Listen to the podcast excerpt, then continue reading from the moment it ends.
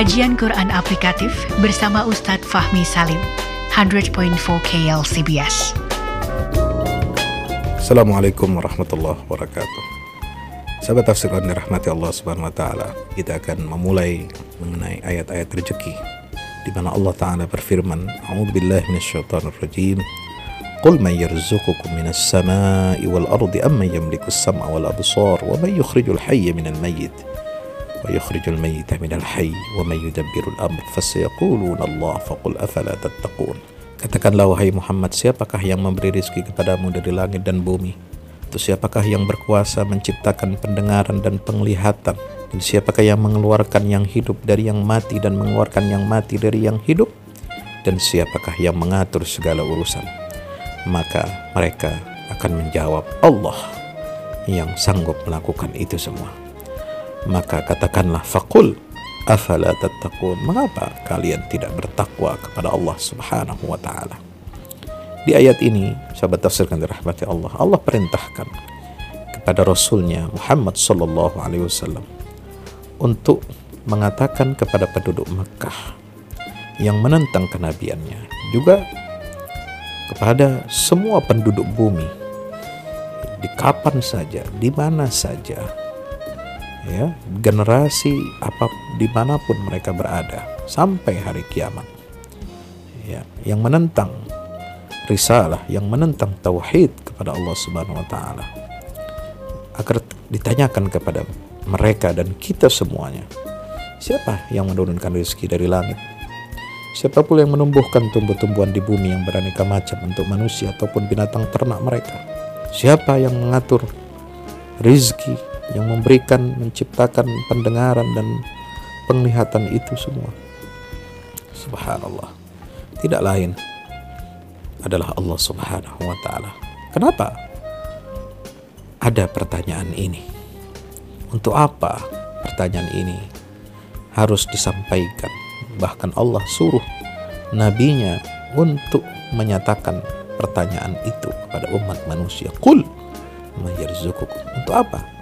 Maksudnya adalah supaya orang-orang musyrikin Makkah dan kita semua sampai akhir zaman siapa pun kita, terutama orang-orang yang mengingkari Allah, agar kita semua menyadari diri mereka sendiri dan ingat dan memperhatikan juga bahwa berhala-berhala yang disembah oleh umat manusia itu Tuhan-Tuhan palsu yang disembah itu sama sekali tidak sanggup menurunkan hujan dan yang menurunkan hujan itu hanyalah Allah Subhanahu wa taala.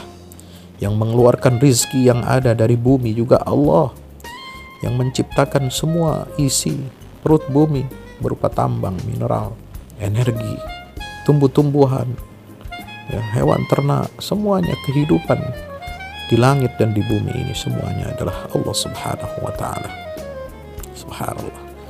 Allah perintahkan kepada Nabi Muhammad untuk menanyakan kepada mereka, siapa yang kuasa menciptakan telinga sebagai alat pendengaran dan mata sebagai alat penglihatan sehingga dengan kedua indera itu mereka dapat mengenal alam semesta dengan berbagai macam fenomenanya. Dengan telinga manusia dapat mendengar tutur kata orang, dan dengan perantarannya pula dapat menerima ilmu pengetahuan dan memperoleh pengalaman-pengalaman. Dengan penglihatannya, manusia dapat melihat keindahan alam dan bisa menerima isyarat-isyarat yang dapat menuntun pikiran kita untuk mengetahui siapa pencipta alam semesta ini. Tanpa kedua indera yang penting ini, manusia tidak dapat mengetahui dengan sempurna keadaan alam dunia dan dirinya sendiri. Kedua alat pendengaran dan penglihatan ini disebutkan dalam dua ayat ini. Kenapa? Karena kedua indera itulah yang menjadi alat untuk menerima ilmu pengetahuan. Sehingga manusia itu derajatnya lebih tinggi dari hewan. Memang sama-sama manusia dan hewan punya pendengaran dan punya penglihatan. Ya, ada telinganya, ada matanya, sama hewan juga sama. Tapi yang berbeda adalah telinga dan mata manusia ini harus digunakan untuk menerima ilmu pengetahuan. Karena dengan itulah derajatnya bisa lebih tinggi daripada hewan atau makhluk lainnya. Sebagaimana firman Allah Subhanahu wa taala, "Walaqad karramna bani Adam. Surah Al-Isra 70 wa hamalnahum fil barri wal bahr wa razaqnahum minat tayyibat wa faddalnahum ala kathirin mimman khalaqna tafdila. Ditinggikan derajatnya oleh Allah dimuliakan manusia ini di atas makhluknya yang lain sebab meskipun hewan itu punya pendengaran dan penglihatan tapi dia tidak diberi akal oleh Allah sehingga binatang tidak dapat menerima ilmu pengetahuan kecuali sekedar insting kebinatangannya. Apabila manusia, kita semua ini merenungkan siapa yang menciptakan kedua indera itu, tentulah ia tidak akan ragu. Bahkan tanpa berpikir panjang, mereka akan menemukan jawabannya, yaitu Allah Subhanahu wa Ta'ala. Apabila mereka menemukan jawabannya, tentulah mereka akan mensyukuri nikmat Allah. Ayo syukuri nikmat Allah dulu ini. Syukuri nikmat rezeki yang Allah turunkan dari langit Allah keluarkan dari perut bumi. Allah berikan kita pendengaran, penglihatan yang sehat, dibantu dengan akal yang sehat. Ini adalah karunia yang besar dari Allah Subhanahu wa Jangan menganggap diri kita ini miskin, terus fakir, terus buang jauh-jauh mindset itu karena setiap manusia, setiap hamba Allah, ya, apalagi manusia itu dimuliakan oleh Allah, telah diberikan kekayaan yang cukup oleh Allah Subhanahu wa taala.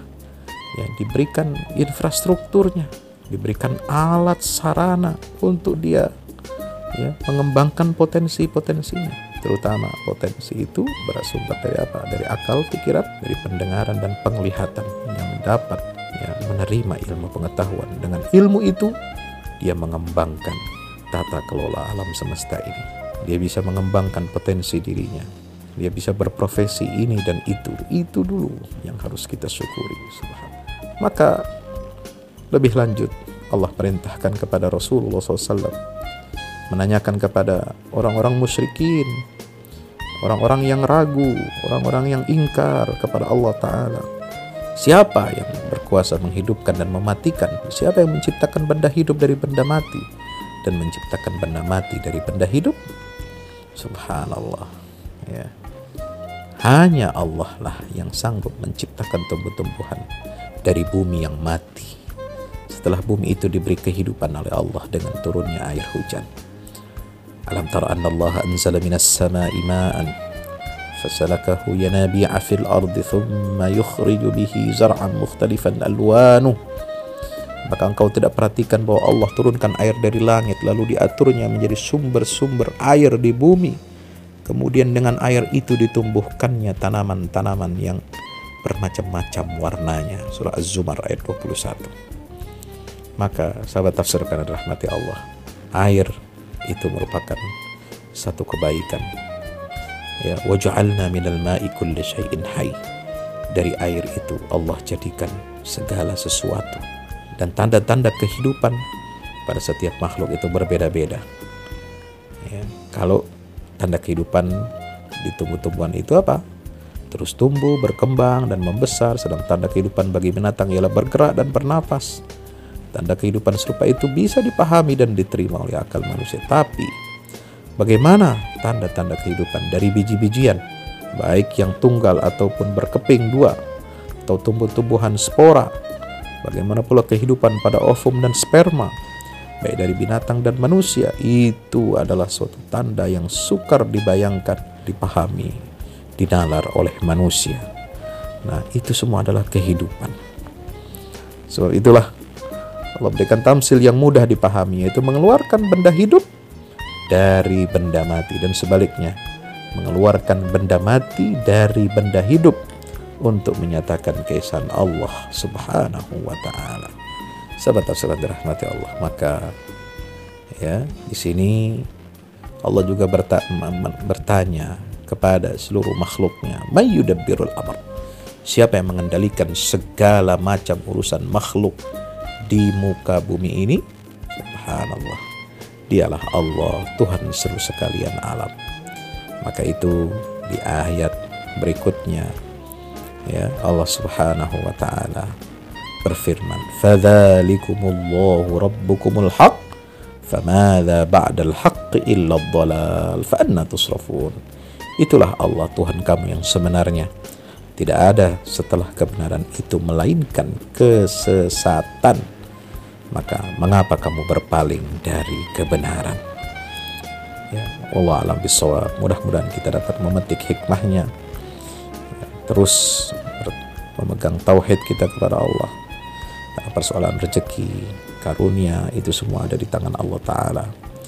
Ya, tidak bisa kita memandang baik dan buruknya rezeki Allah kecuali harus kita lihat dengan kacamata tauhidullah itu kacamata kita mengesahkan Allah subhanahu wa ta'ala agar kita menjadi orang yang pandai bersyukur dan salah satu ciri orang yang pandai bersyukur atas nikmatnya adalah dengan cara kita mengesahkan Allah dan menyembah Allah satu-satunya sebagai zat yang pantas untuk kita sembah.